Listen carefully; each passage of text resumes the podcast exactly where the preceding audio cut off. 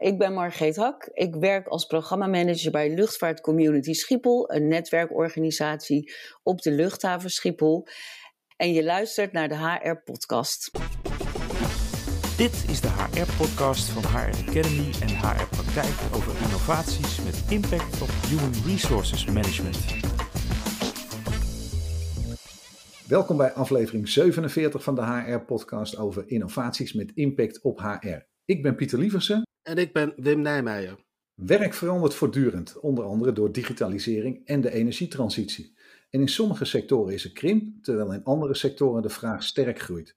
Dat zijn factoren die impact hebben op de inzetbaarheid van mensen. Nou, dat is over de jaren altijd al zo geweest. Denk maar aan het verdwijnen van de textielindustrie, de mijnbouw en de grootschalige scheepsbouw uit Nederland. Maar aan de andere kant is er ook weer sterke groei van bijvoorbeeld de softwareindustrie, de financiële sector en het toerisme. Die veranderingen gaan door de sterke technologische ontwikkelingen razendsnel. En de coronapandemie zorgt ook nog voor een extra versnelling. Werknemers en werkgevers staan voor de vraag hoe zij relevant blijven op de arbeidsmarkt.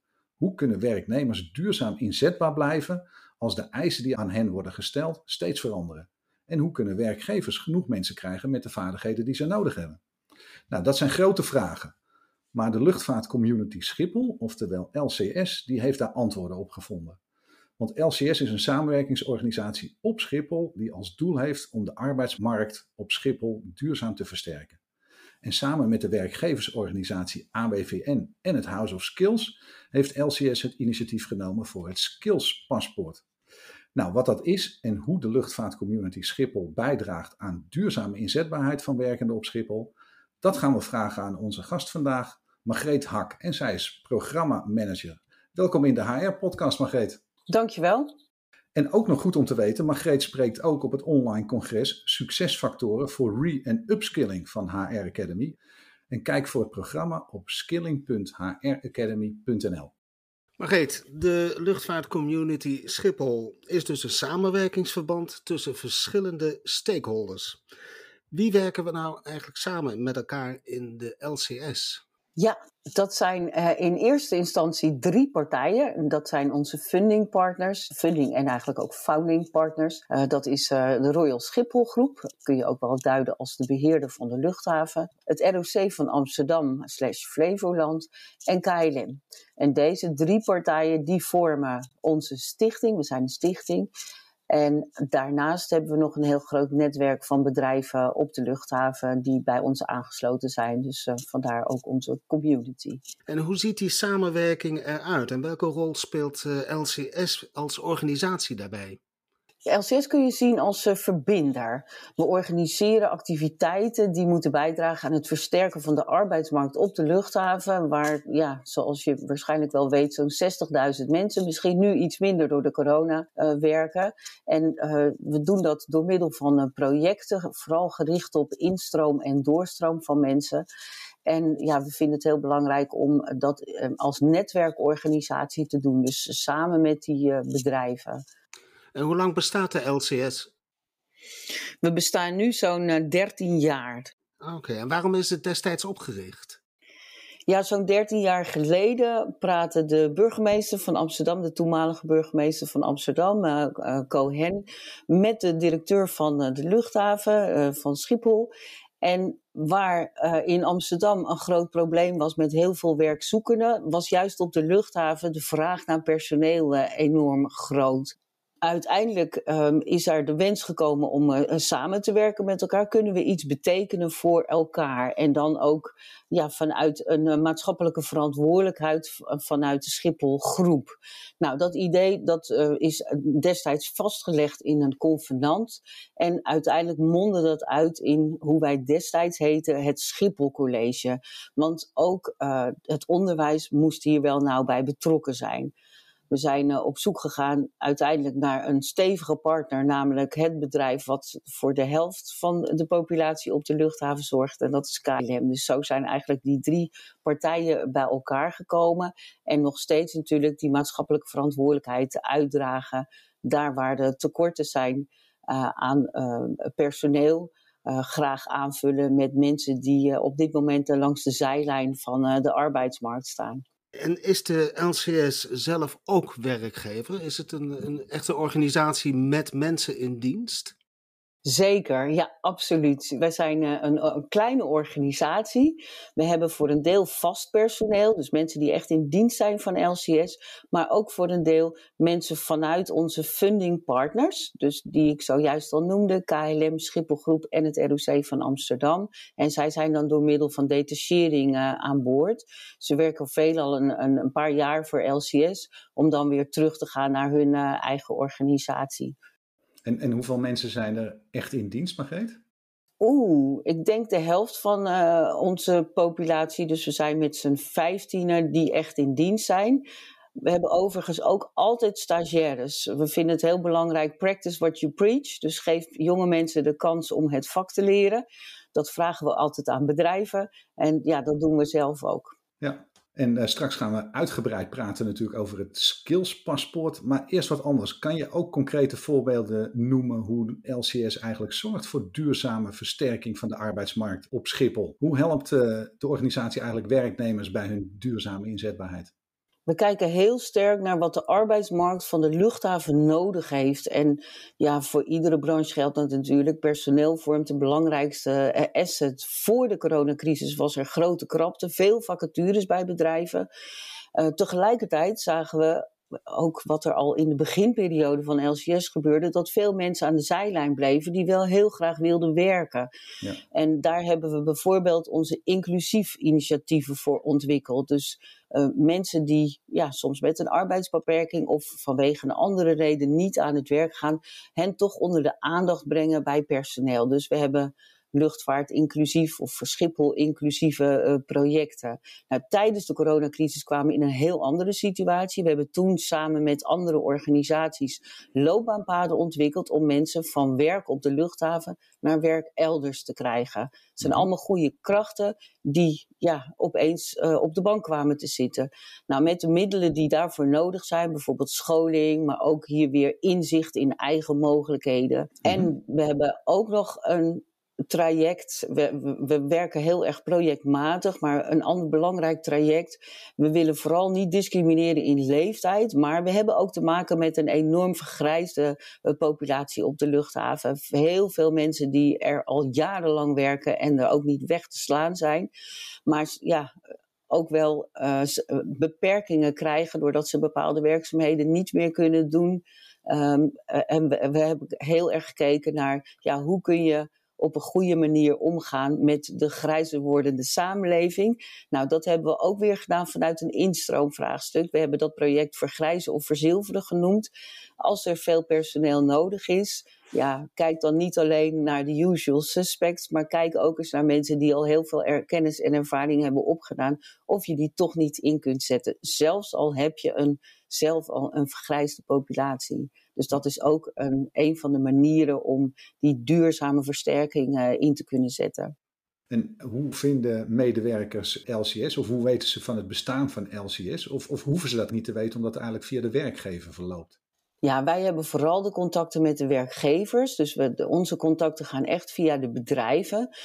Natuurlijk gaat het over mensen, maar daar proberen we zoveel mogelijk ook anderen bij in te schakelen. Um, iedere organisatie wil zich natuurlijk goed op de kaart zetten, maar wij vinden het belangrijk dat de bedrijven elkaar weten te vinden en gezamenlijk de arbeidsmarktvraagstukken op te pakken die nodig zijn om als goed werkgever succesvol uh, te kunnen zijn. En LCS is daar echt een middel in ja, op de een of andere manier heb je zo'n partij nodig die alle neuzen dezelfde kant op zet. We hebben natuurlijk ook vaak te, te maken met bedrijven die elkaars concurrent zijn. Nou, in heel veel HR-vraagstukken uh, hoef je elkaars concurrent helemaal niet te zijn. Kun je juist dingen heel goed samen oppakken.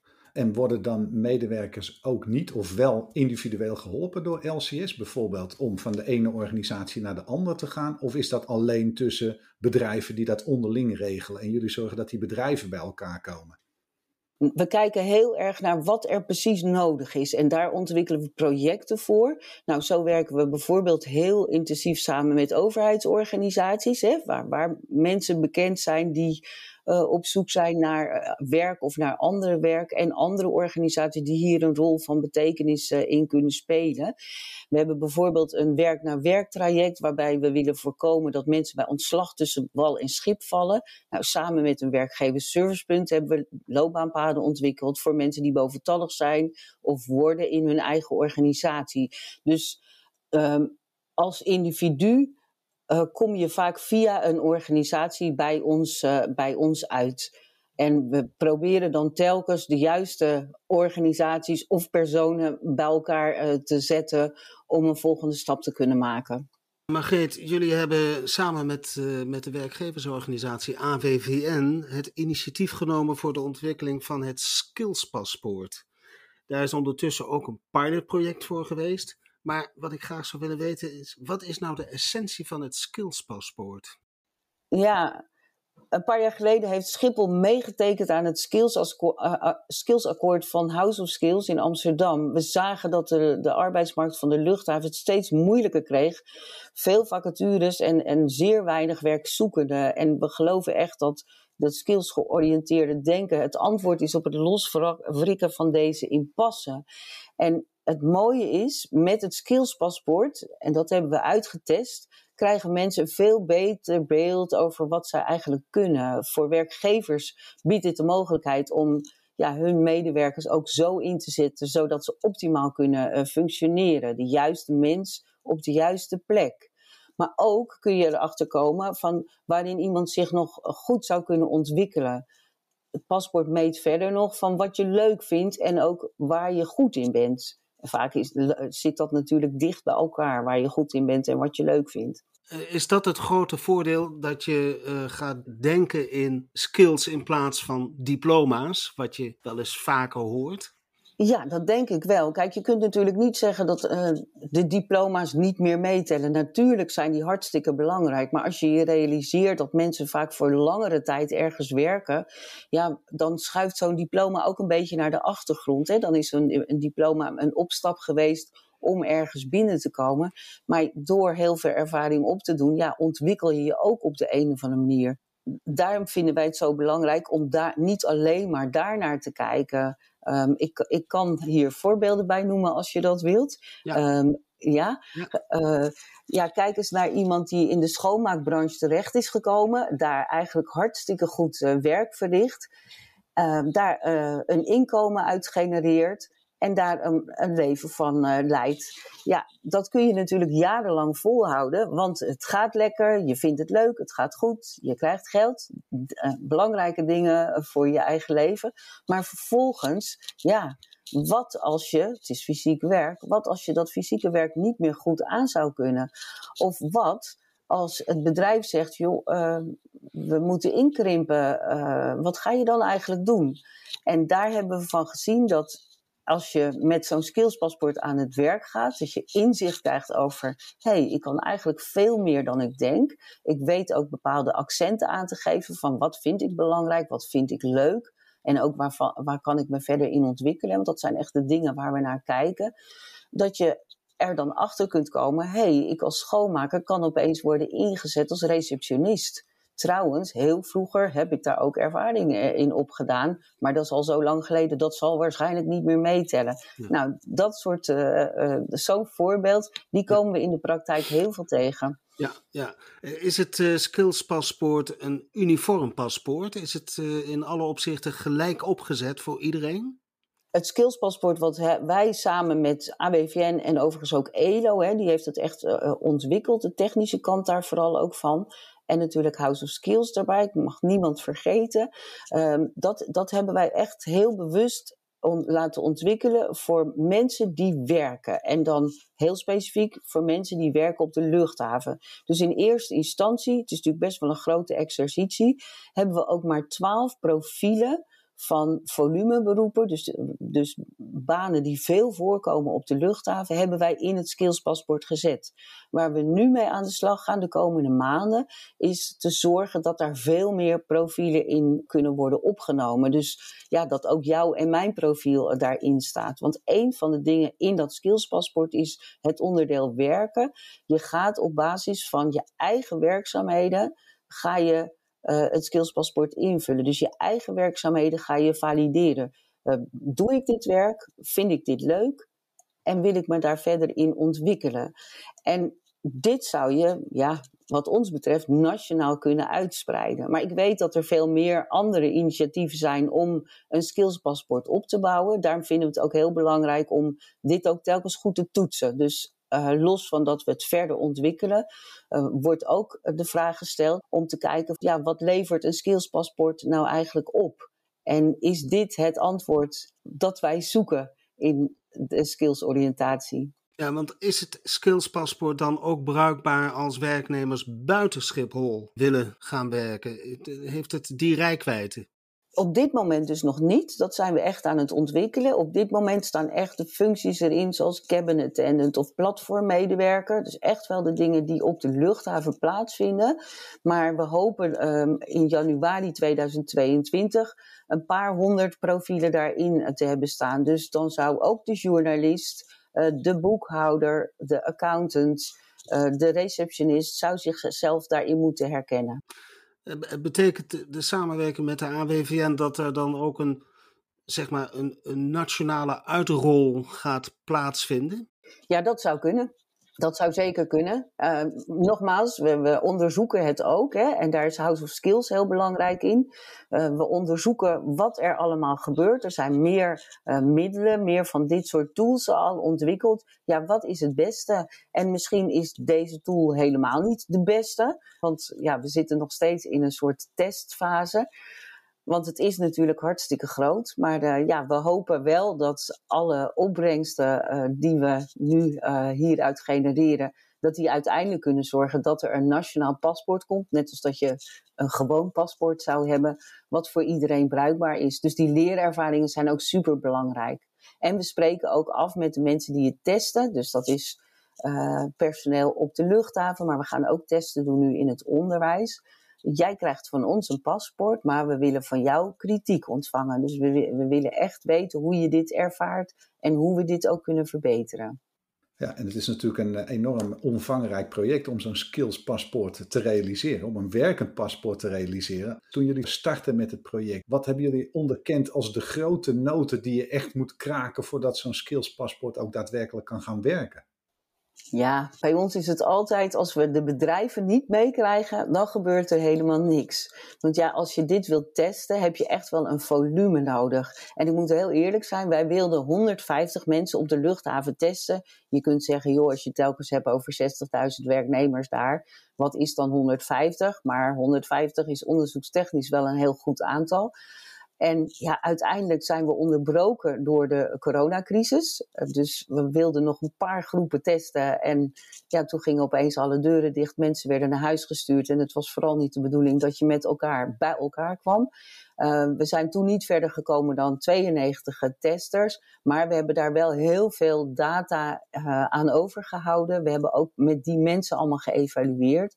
En uiteindelijk hebben we ook de afgelopen maanden uh, met nou, bijvoorbeeld de schoonmaakbranche, daar noemde ik er net al iets over. Ja, zijn we verder gegaan met dat testen. Dus dat vinden we wel heel belangrijk om mee te nemen. Ja, en is een struikelblok dan ook het komen tot uniforme skills en dan ook nog in de bewoordingen die iedereen dezelfde betekenis geeft? Absoluut, dat is een heel groot struikelblok. Je moet je ook wel afvragen, zeker nu we gaan opschalen naar veel meer profielen, van komt mijn baan, ik ben programmamanager, maar dat zal, die zal een hele andere invulling hebben dan dat ik programmamanager zou zijn bij een gemeente bijvoorbeeld. Ja, komt mijn baan nou exact daarin te staan? Ik denk dat dat wel een, uh, ja, punt is op de horizon uh, wat echt wat verder weg ligt. Maar ja, ook daar zul je dat verder moeten ontwikkelen. Kijk, we willen nu met dat opschalen, met die, nou ja, misschien wel 300 uh, eh, profielen daarin, willen we daar natuurlijk zoveel mogelijk scherp in zijn. Hè? Van ook echt checken met het werkveld. Uh, klopt dit? Dus van tevoren die, die controlevraag al stellen. Maar ik denk dat we er uiteindelijk pas achter komen als we echt dat paspoort aanbieden en dat je dan ook kritisch blijft over, uh, ja, herken je jezelf hier eigenlijk in? En daar dus ook weer, je had het net over die, welke noten moet je dan kraken. Ja, zorgen dat je echt wel bedrijven mee hebt. En daar hebben we gelukkig wel heel veel plezier van gehad, van ons netwerk. Die zeiden van ja, we weten niet hoe we aan personeel moeten komen. We weten vaak ook niet hoe we een medewerker tot een volgende ontwikkeling kunnen brengen. Dus we zitten eigenlijk wel te wachten op een paspoort. En ja, we ontwikkelen graag mee. We geven jullie die gelegenheid. Dus dat is echt wel de belangrijkste nood geweest. En ja, een valkuil is uh, misschien wel om te precies te willen zijn. Dus dat je echt een paspoort voor 100% op iemand wil laten pakken. Ja, dat, dat is het nooit. Hè. Ik gaf al het uh, voorbeeld over mijn eigen baan. Maar zelfs bij platformmedewerkers, mensen die koffers in een vliegtuig doen, maakt het best wel uit of je bij de ene of de andere uh, organisatie werkt. En dus zul je ook niet altijd één op één jezelf tegenkomen. Dus die werkgevers die stonden eigenlijk wel uh, op de banken voor de invoering van een, van een skillspaspoort. Hoe zat dat eigenlijk met de werknemers? Hoe vertel je hen het verhaal dat zo'n skillspaspoort waardevol is? Ja, op het moment dat jouw baas tegen je zegt: joh, ga je zo'n skillspaspoort doen. en je hebt dat nog nooit van je leven gedaan. je hebt nog nooit een talententest gedaan of bent daarvoor uitgenodigd. Dat was echt wel een dingetje. Um, Betekent dat soms dat ik weg moet of dat ik niet functioneer? bied je het dan ook meteen aan je hele personeel aan? Of zeg je ja, we maken een selectie? Dus dat was echt nog wel een uitdaging om dat ook heel goed te communiceren. Van nee, eh, we willen graag dat je meedoet met dit onderzoek, hè, met deze pilot. En uiteindelijk hopen we ook dat je er zelf wat aan hebt. En sterker nog, uh, een heel belangrijk onderdeel van het skillspaspoort, en dat heeft ELO echt fantastisch geïntegreerd, dat is een arbeidsmarktverkenner. Als je eenmaal een beetje je eigen skills hebt herkend, dus je paspoort is klaar, kun je een arbeidsmarktverkenner openen waar werkelijk alle beroepen in staan, maar ook alle vacatures, uh, voor zover ze online beschikbaar zijn. Nou, bedrijven zeiden van, hmm, ja, een prachtige tool. Maar uh, het is vooral niet de bedoeling dat mijn personeel op een idee gebracht wordt van, oh, ik kan ergens anders ook leuk werk verrichten. En medewerkers moeten natuurlijk ook niet het idee krijgen van, oh, uh, hij of zij wil me weg hebben. Dus dat was echt wel een uitdaging. Ja. En wanneer is uh, het skillspaspoort succesvol? En wat is dan eigenlijk succes? Ja, dat zal wel een 3.0 of een 6.0 of misschien wel een 10.0 versie zijn. Uh, voor ons is het uh, skillspaspoort een succes als het ook echt overdraagbaar is dat jij met het skillspaspoort onder je arm uh, van het ene naar het andere bedrijf kan gaan. Of juist dat het echt optimaal wordt ingezet in je eigen bedrijf. Dus dat het een, een, een hulpmiddel is om het goede gesprek aan te gaan met je leidinggevende. Zit ik nog op de juiste plek? Doe ik nog de juiste dingen? Uh, wat is mijn ontwikkelpotentieel? We zeggen ook telkens dat skillspaspoort, dat hemelen we verschrikkelijk op. Hè? Maar we zeggen telkens, it's just a tool. Het is ook maar een middel. En wat daarna gebeurt, dus wat ga je ermee doen? Dat, dat is het allerbelangrijkste. En dat bepaalt uiteindelijk ook het succes. We, hebben, we hebben gezien dat als je het skillspaspoort laat invullen, in onze pilot was dat, heel veel mensen gingen er niet meer naar terug. Ja, als je niet nadenkt over vervolgstappen, dan is het een zo'n one-off ding. En dan vinden mensen dat echt heel interessant. Door van, nou, degene die bijvoorbeeld een platformmedewerker is. Ja, ik, ik stop uh, koffers in een vliegtuig en ik haal ze er weer uit. Oh, maar ik blijk wel twintig taken te hebben. Nou, veel beter zelfbeeld gekregen enzovoort. Op dat moment, hè, dat is echt zo'n uh, momentopname, is iemand, iemand uh, hemelhoog. Maar een paar dagen later zakt dat weer weg. Dus je moet het ook echt wel integreren in je ja, strategische personeelsbeleid. En hoe lang zou het nou duren voordat zo'n skillspaspoort daadwerkelijk een bijdrage heeft bij mensen aan hun duurzame inzetbaarheid? Is dat het eenmalig maken? Je gaf natuurlijk net al aan, het moet wat opvolging hebben. Maar hoe lang moet die opvolging zijn? Is dat alleen naar de volgende baan? Nee, altijd. Kijk, een van de belangrijke dingen is ook dat het je uh, stimuleert om na te denken over je eigen ontwikkeling. Hè? We, we, hebben altijd de mond vol over leven lang ontwikkelen. Ja, hoe geef je dat eigenlijk vorm? Dus het is echt iets, net als je gewone paspoort, wat je je leven lang met je mee zou moeten dragen.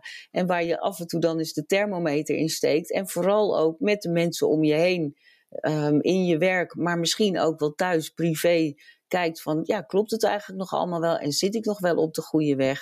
En daarom is die term paspoort ook zo belangrijk. Het is echt van jou. Uh, Margreet, duurzame inzetbaarheid staat hoog op de HR-agenda. Welke tips uh, heb jij voor onze HR-vakgenoten, onze collega's zou ik maar zeggen, die ook het skillspaspoort voor hun medewerkers willen invoeren? Ik zou zeggen, ga het invoeren en ga wel zorgen dat voordat je het invoert, dat je dat ook echt inbed in je eigen organisatie. Um, we hebben gezien dat de operationeel leidinggevenden hierbij een hele belangrijke rol uh, vervullen. Dus uh, ga het niet alleen maar aan de HR-tekentafel eh, ontwikkelen, maar betrek ook alle medewerkers op allerlei lagen daarbij. Ik ben heel erg van bottom-up.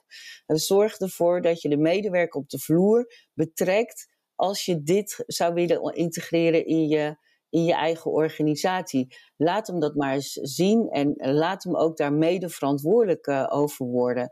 En ik noemde al de operationeel leidinggevende. Ja, die is ook hartstikke belangrijk, want dat is degene die de dagelijkse gesprekken voert met medewerkers. En dat zal lang niet altijd gaan over ontwikkeling, maar dat is juist zo'n mooi een lijntje om uh, die, die er zeker bij te hebben. Dus dat vind ik wel heel erg belangrijk. Zorg ervoor dat het niet bij een tool blijft, maar dat het echt wordt geïntegreerd in jouw strategische personeelsplanning. En kunnen medewerkers, uh, werknemers, uh, als zij van het skillspaspoort hebben gehoord, kunnen zij ook druk uitoefenen op organisaties die het nog niet hebben? Ik hoop dat ze dat doen. Ja, dat lijkt me heel goed. Iedereen kan druk uitoefenen. En het lijkt me heel goed dat er ook, dat is dan ook weer van onderaf, uh, ja, dat jouw organisatie wordt wakker geschud van hé, uh, misschien moeten we hier ook eens wat mee doen. Dit vind ik wel heel interessant. Mag daar ook nog een voorbeeld over geven? We hebben gezien bij uh, operationele leidinggevenden, ik had het net al even over ze, die uh, gingen in een van onze testen hun medewerkers begeleiden. Van hoe dat moet op de laptop en hoe moet die aan en hoe is de verbinding. Je kent dat allemaal wel. En die werden eigenlijk zo verschrikkelijk enthousiast van hé, hey, maar dat wil ik zelf ook wel invullen. Maar dat was helemaal niet de bedoeling. Het ging erover dat de medewerker op de zogenaamde vloer dat ging doen. En een van die operationele leidinggevenden, die heeft toen georganiseerd dat alle operationele leidinggevenden daar zelf ook mee aan de slag konden. Was, was echt nog wel een dingetje. Want ja, ook hier weer blijft het bij het invullen van dat paspoort. Hè, uh, dat eerste stukje bewustwording. Of ga je dat echt tot bewustzijn leiden? Maar ja, ik zou het geweldig vinden als mensen uh, aan de bel trekken. En sowieso hou ik van klagende mensen. Dus mensen zeggen, ik, ik wil, dit klopt helemaal niet. En waarom hebben wij dat niet? Nou, klop echt aan. En wij en anderen binnen de organisaties met wie we samenwerken. Nou, we staan meteen op de stoep om, om jullie daarbij te ondersteunen hoor. Nou, mooi. Dat zijn mooie tips. bedankt daarvoor, Margreet. En ook bedankt dat je ons toegang hebt willen geven tot de wereld van het skillspaspoort. En dat je te gast wilde zijn in de HR-podcast. Dankjewel. En we zijn dan bijna aan het einde van weer een aflevering van de HR-podcast over innovaties met impact op HR. Bijna, want ik wil je nog vragen of je wilt reageren op deze aflevering. Of misschien heb je suggesties voor gasten voor een volgende aflevering.